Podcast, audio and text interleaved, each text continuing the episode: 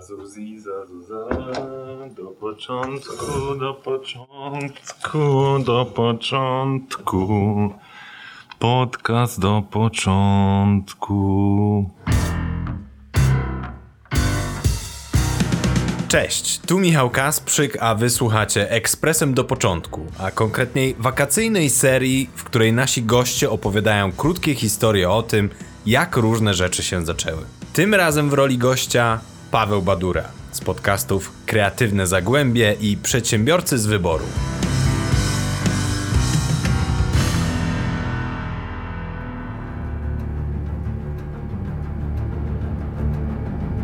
W świecie, w którym istnieją problemy.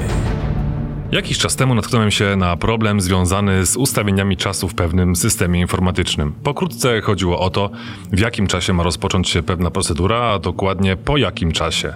Niby banalna rzecz, ale system był zainstalowany w Stanach Zjednoczonych, więc w jego obrębie obowiązywał tamtejszy czas. No i tutaj zaczęły się poszukiwania najpierw informacji, w jakim stanie w Stanach Zjednoczonych jest ten serwer, a następnie jaka strefa czasowa na nim obowiązuje. Nasz bohater musi znaleźć sprzymierzeńców. Z pomocą, jak zwykle, przyszło Google, ale pewnie znacie to uczucie, w którym poszukiwanie jednej informacji powoduje odnalezienie zupełnie innej, a po kilkunastu minutach wasza przeglądarka internetowa ma otwartą nieskończoną ilość kart i zakładek w taki sposób, że nie jesteście w stanie odczytać ich tytułów.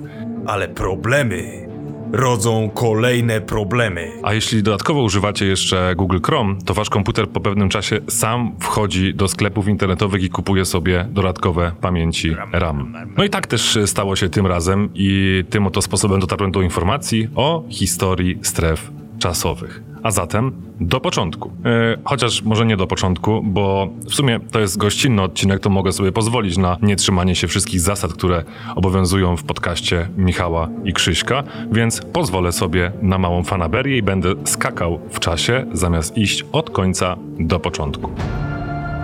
Paweł zapomniał, kto to montuje.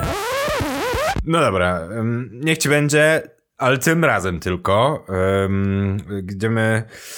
e, A. ym, Kiedyś na świecie nie było problemu. Przenieśmy się najpierw do najbardziej sielankowych czasów, patrząc pod względem mierzenia czasu, czyli do tych, w których nie istniały kłopotliwe środki transportu.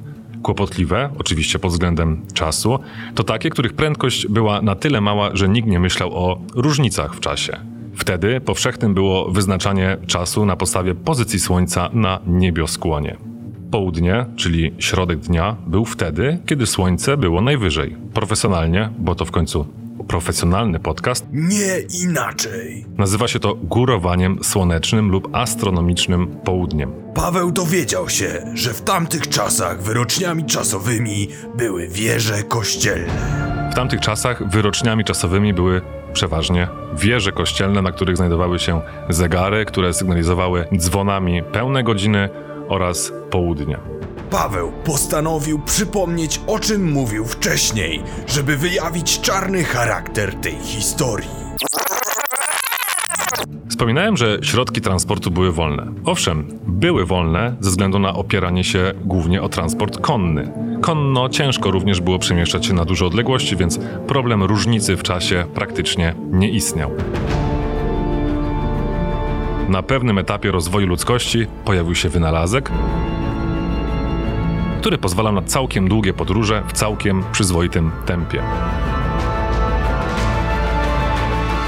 Mianowicie No i wtedy zaczęły się problemy ze strefami czasowymi. Ale wkrótce przybyła odsiecz. Pierwszym pomysłodawcą wprowadzenia czasu uniwersalnego z podziałem na strefy czasowe był kanadyjski wynalazca Sanford Fleming. Nazywam się Sanford Fleming i jestem wynalazcą. Oj, jestem z Kanady, ale pochodzę z Szkocji. No dobra, ale wracamy do rzeczy. Pan Fleming wpadł na genialny pomysł już w 1878 roku, chociaż stwierdzenie w sumie, że wpadł na ten pomysł jest może nadużyciem. W każdym razie zaproponował ten pomysł publicznie. No ale jak to mówią w Krakowie, nie od razu nową hutę zbudowano. W 1884 roku, czyli 6 lat po publicznym zaprezentowaniu swego pomysłu, podczas obrad Międzynarodowej Konferencji Południkowej, Świat, w którym niewielu decyduje o wszystkich.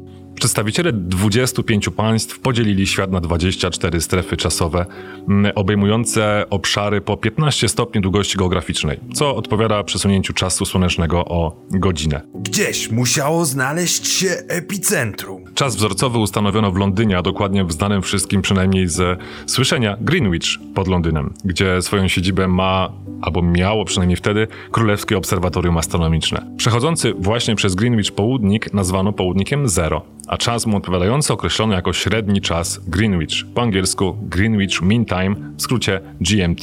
W głowie naszego bohatera pojawiają się nowe pytania. Czy to jednak oznacza, że przed 1884 rokiem nie występowały różnice w czasie?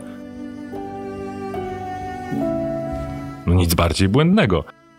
I musi dokopać się do prawdy. Koleje w Rosji, Stanach Zjednoczonych czy Francji stosowały już swoje własne wzorce albo przyjmowały lokalne podziały na strefy czasowe. Patrząc z praktycznego punktu, najwygodniej można przyjąć, że podział na strefy czasowe dokonany zostanie nie według dokładnych granic 15 stopni długości geograficznej, ale według granic terytorialnych państw, w których dana strefa czasowa ma obowiązywać.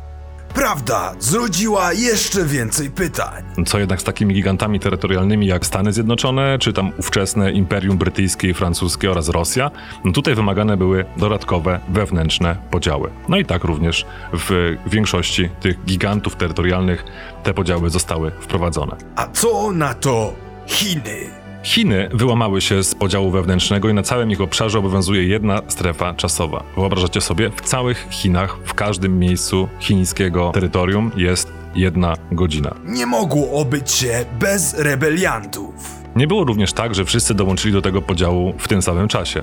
Takie Niemcy dla przykładu, strefę GMT plus 1 na całym swoim terytorium ustanowiły w 1893 roku. Ale na szczęście wszystko zmierza w dobrą stronę. Do 1929 roku strefy na podstawie GMT obowiązywały już na e, całym świecie. No więc jak słyszycie, trochę tych lat musiało minąć, żeby wszyscy zgodnie, wspólnie je zastosowali. I wtem nowe problemy! Co ciekawe, istnieją strefy bez pełnych wartości, ale z połówkami. Przykład GMT plus 4,30 w Afganistanie, GMT plus 5,30 w Indiach i na Sri Lance, czy GMT 11,30 na wyspie Norfolk i kolejne zmiany.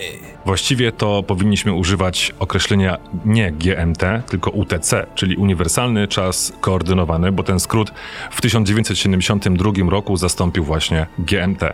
Jest on identyczny do czasu średniego, jednak trochę inaczej mierzony. Co więcej, niektóre kraje mają na koncie również zmianę stref czasowych, mimo wcześniejszych przynależności do innych. Na przykład taka Wenezuela zmieniała dwukrotnie tę strefę y, czasową w 1965 oraz w 2000 2007 roku. Sri Lanka zmieniła swoją strefę czasową w 1996 roku, a w miarę świeża sprawa, na Krymie w 2014 roku zmieniono strefę czasową na tę zgodną z rosyjską, e, a Nepal w 1956 roku przesunął zegarki o 15 minut, więc obowiązuje u nich strefa UTC plus 545. Niezłe zamieszanie, prawda? Wygląda na to, że historia do początku stref czasowych żyła długo i szczęśliwie. Ale Paweł nie mógł spocząć na laurach i drążył dalej.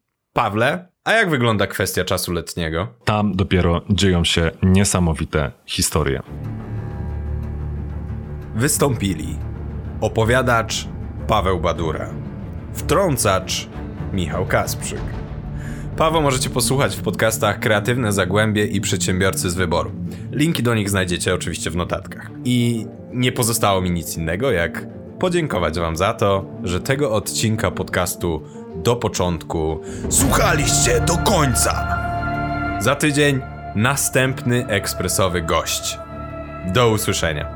No cóż, ja dziękuję Wam bardzo za uwagę. Pozdrawiam bardzo serdecznie prowadzących, regularnych prowadzących, prowadzących nieregularnych z innych odcinków gościnnych podcastu do początku. No i Was, drodzy słuchacze, bardzo serdecznie pozdrawiam. Do usłyszenia.